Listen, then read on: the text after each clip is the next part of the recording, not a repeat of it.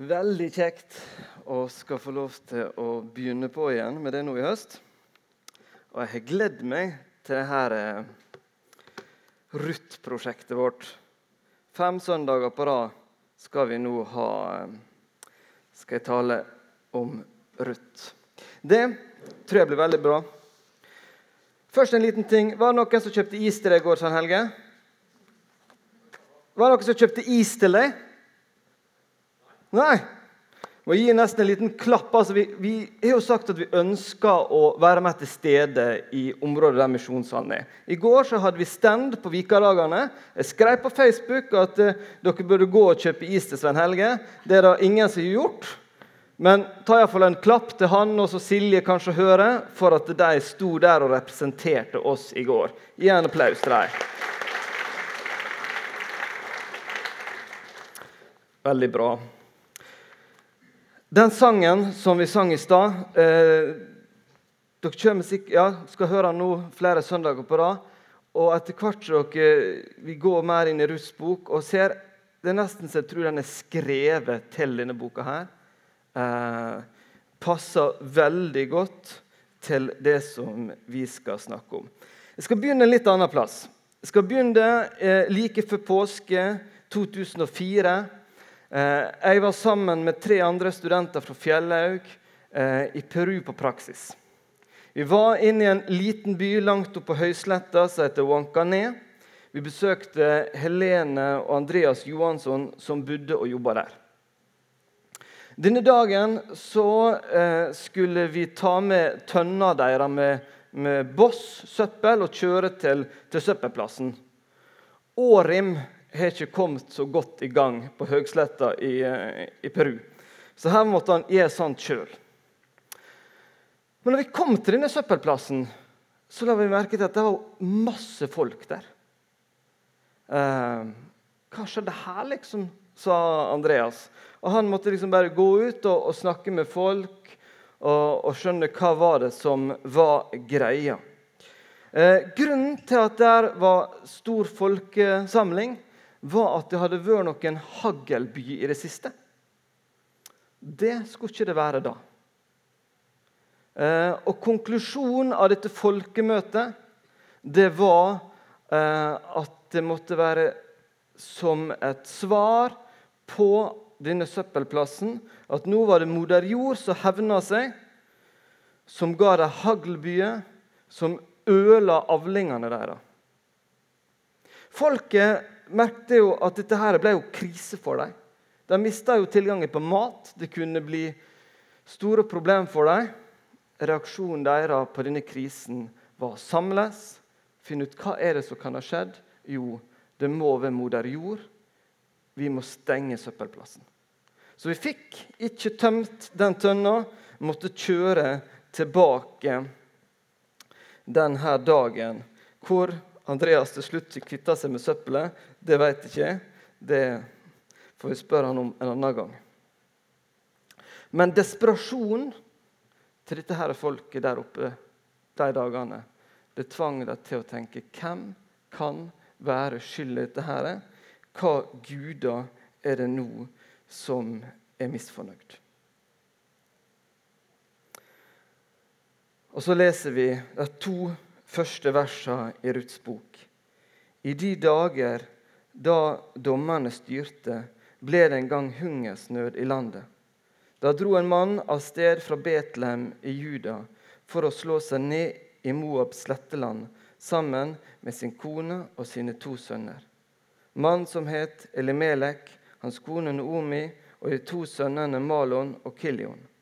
De var fra Efrata-slekten, fra Betlehem i Judea, nå kom de til Moab og slo seg til der.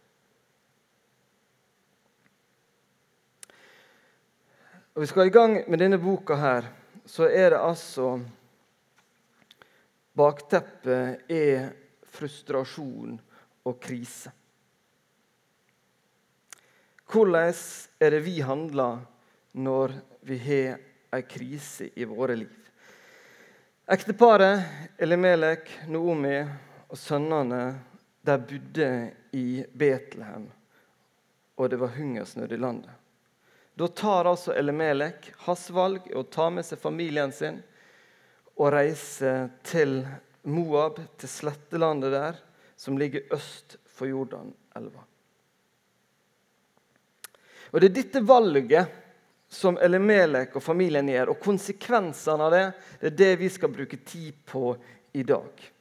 For når vi leser Ruths bok, så er det kanskje ikke så lett å legge merke til disse to versene her. Men, men det er det som er grunnen for, um, for, boka. Det er det som på en måte legger premissene for det som skal skje videre. Um, de som kjenner historien, skjønner seg på kulturen, forstår at dette var et dramatisk valg. Og det skal vi prøve å forstå litt mer av. For Elimelek tar, tar familien sin vekk fra Betlehem. Vet dere hva Betlehem betyr? Brødhuset.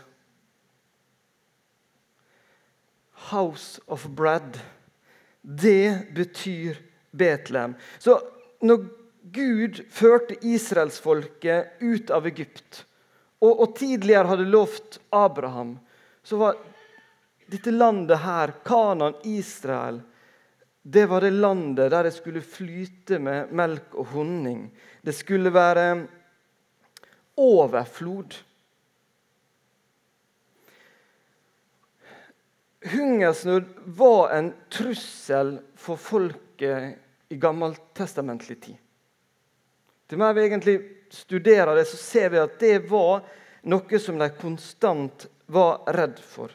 Det å ha eh, mat, det å ha vann når vann skulle komme, det var folket veldig opptatt av.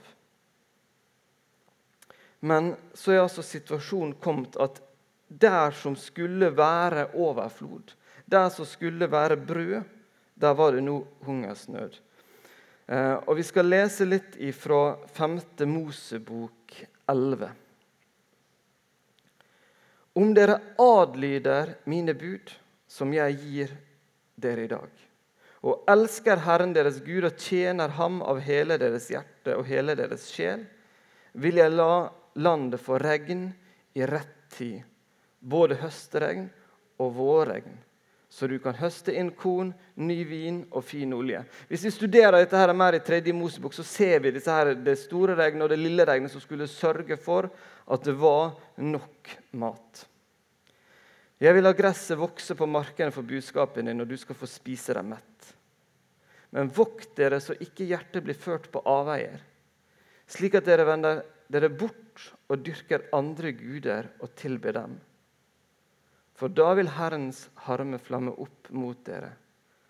Han vil lukke himmelen så det ikke faller regn, og jorden ikke gir grøde. Og dere vil snart gå til grunne i det gode landet som Herren gir dere. Det her sier altså Moses til deg.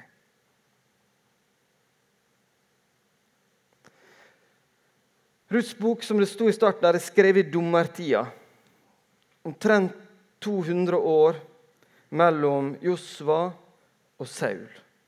Dette var en tid der israelsfolket eh, skulle leve liksom, i stammene sine, skulle ikke ha en felles konge, et felles styre. Hvis de holdt seg til Guds ord, så skulle Gud sørge for deres sikkerhet. Han skulle sørge for at de levde godt. Og så vet vi at det er fortellinger i Bibelen som forteller at ganske kort tid etter Josva så glemte mange Gud. De dyrka sine egne guder. Og De to siste setningene i Dommernes bok sier i de dager var det ingen konge i Israel. Hver mann gjorde som han selv fant for godt. Og konsekvensene var at himmelen hadde blitt lukka. Regnet uteble, og hungersnøden var et faktum. Før her i Misjonssalen leste jeg flere plasser i 5. Mosebok der Moses er ekstremt praktisk For han vet at dette her er så lett kan skje for oss mennesker. Så han sier at Skriv bibelvers på dørstolper, i huset deres. Eh, ha det på lapper så dere henger på kroppen deres. Det er så lett for oss mennesker å glemme Gud. Gjør hva dere kan for å prøve å huske hva er det han har sagt oss. Men den gangen, som i dag, så er det lett for oss mennesker å glemme hva Gud har gjort for oss, og hans storverk. Så Elimelek og familien, som altså bodde i brødhuset, det som skulle være sentrum for mat, der Gud skulle sørge for avlinga, der hadde regnet nå uteblitt. Og når magen skriker, så velger altså Elimelek å ikke gå til Gud.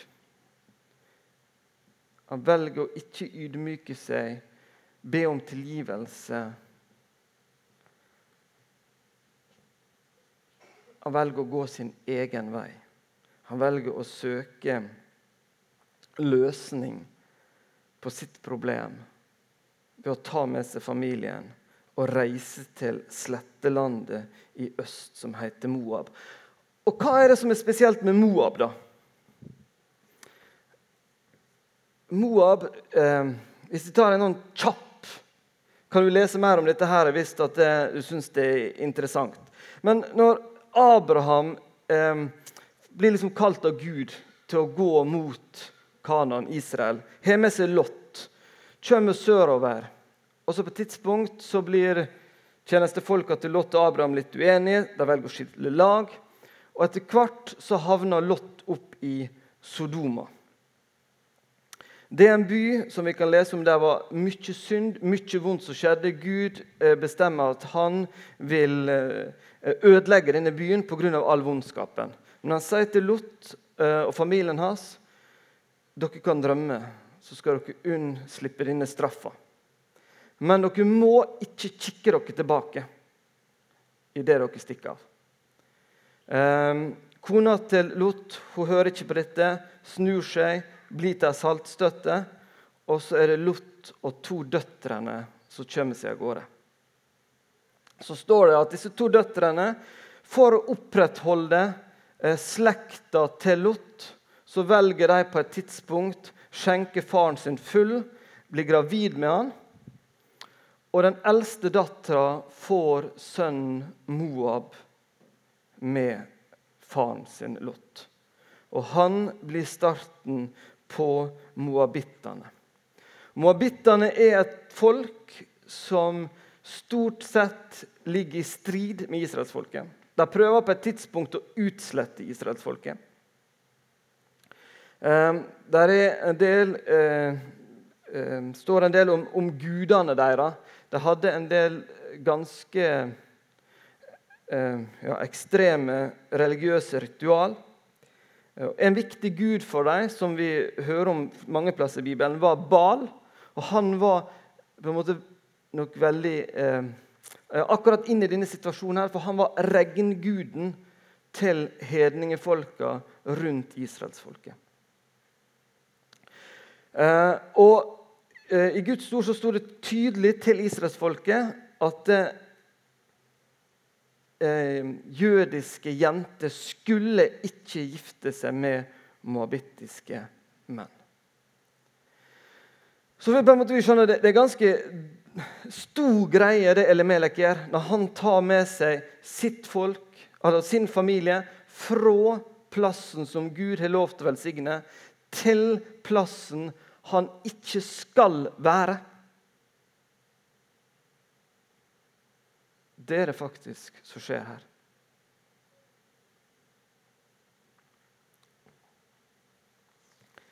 Gud har bedt dem å holde seg vekke fra dette området. Og så velger han å reise dit. Elimelek kunne valgt få med seg folk, tenk at det står i Guds ord. Vi har det Om de hadde det rulla, om de hadde det mest bare muntlig på denne tida Men de, de visste hva Moses hadde sagt. De kunne valgt og tenkt at nå trenger vi å ydmyke oss for Gud. Nå trenger vi å, å vende oss til Han, be om tilgivelse, og så vil Han åpne himmelen for oss igjen. Men eh, det gjør det altså ikke. Teksten sier ikke oss noe særlig om hvor nært eller fjernt Elimelek levde med Gud. Um, og som vi skal se i disse her eh, søndagene som kommer, og, og, neste søndag skal vi se på forholdet mellom Naomi og Ruth. Og Det er jo tydelig at det er noe i truslivet til Naomi som har fått mye å si for Ruth. Men allikevel så har de altså valgt å flytte til Moab. Og dette spørsmålet her, Jeg brukte ganske mye tid på Ruth sånn i januar og i februar. Og Siden så har, jeg, så har jeg tenkt mange ganger og stilt meg sjøl spørsmålet Hvordan møter jeg vanskeligheter, utfordringer, eh, i mitt liv?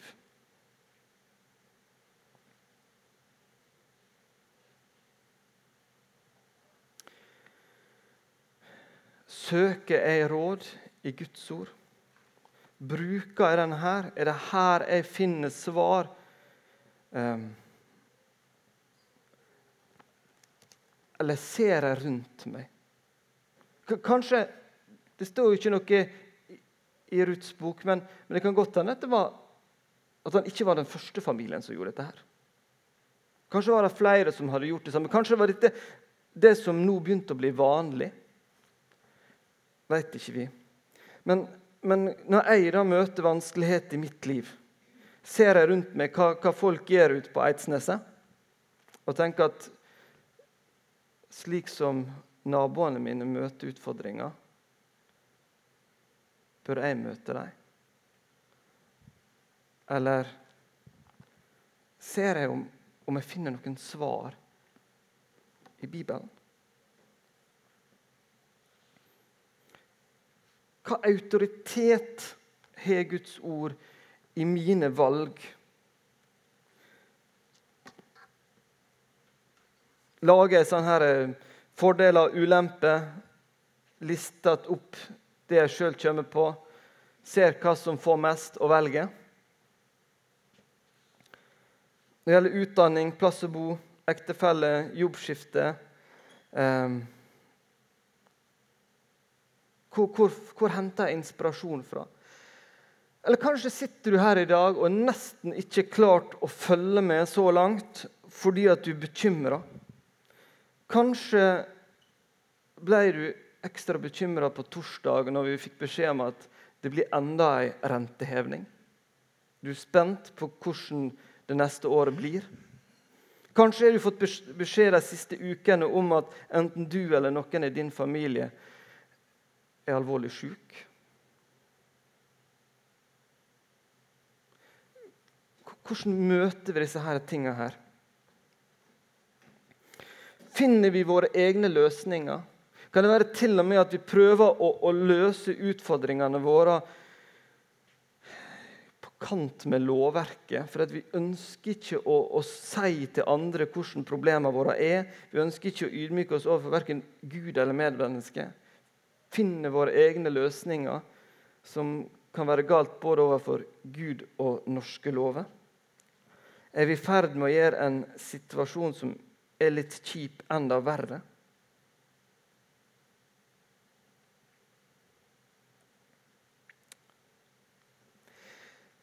Det vi skal bruke mest tid på de neste ukene, det er å se at til tross for Elimelek sitt valg, familien sitt valg, uheldige valg, så kan, kunne Gud snu det her til det gode. Om vi gjør feil, så er han aldri langt unna. Han lengter etter å tilgi oss, vise oss barmhjertighet. Um, men har også gitt oss hjelp til å unngå en del uheldige situasjoner. Og situasjonen så ganske mørk ut for Naomi en stund. Hun mista både mann og sønner. Hadde ikke noe nettverk til å forsørge seg. Og Mot slutten av kapittel 1 så sier Naomi, når hun kommer tilbake til Betlehem, så sier hun 'Kall meg ikke Naomi, kall meg Mara'. For den veldige har gjort livet meget bittert for meg.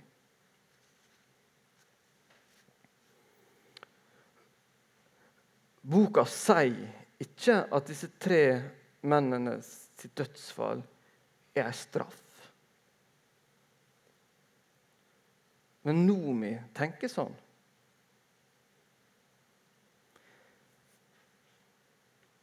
Om disse dødsfallene var tilfeldig, kom pga. valget som ble gjort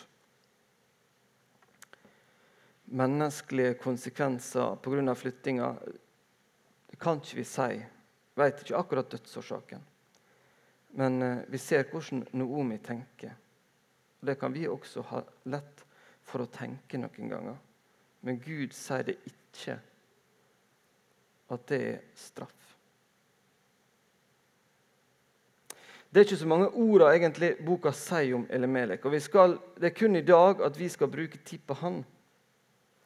Men, men jeg syns det er viktig med inngangen til denne boka å se på hans situasjon og se hva det er han kan ha tenkt og gjort. For jeg tror at en del av det som jeg får se for meg måtte være hans sine tanker, kan være nærliggende for oss med når vi møter utfordringer i våre liv. Jeg ser for meg at, at kanskje han kunne ha Kanskje han hadde bedt til Gud om at nå må regnet komme. Kanskje han tenker at hvor er denne guden Hvorfor er han så stille? Hvorfor hører jeg ikke noe fra han? Nei, nå gidder jeg ikke mer. Nå tar jeg faktisk saken i egne hender.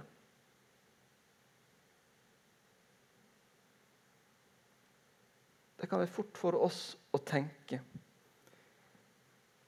Jeg har lyst til at vi skal da se jeg tror Ruths bok ønsker å si oss akkurat at når vi er i slike situasjoner, så kan vi se på denne boka at at Gud, han ser. Han hører vår sukk, han hører våre skrik, han ser våre tårer. Og så jobber han også når vi ikke ser at han gjør det.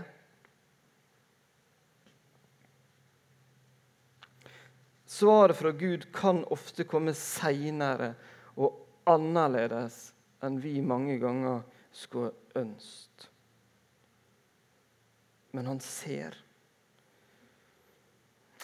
Vi, vi, har jo hele Ruths bok i Bibelen. Den er jo ikke så lang, men, men vi kjenner jo der slutten. For det er dere som har lest til enden allerede. Så kjenner vi slutten. Det er en god slutt på denne historien.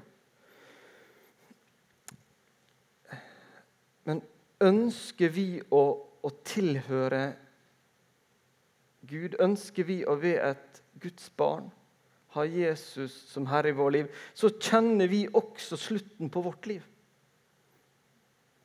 Som et Guds barn så eier vi et håp. Vi skal en dag få lov til å komme hjem til Gud. Og så er litt spørsmålet til oss i dag, da. Velger vi å stole på Guds ord og på Gud på at han skal føre oss fram dit. Sjøl om noen ting ser vanskelig og vondt ut, og at ting kan drøye.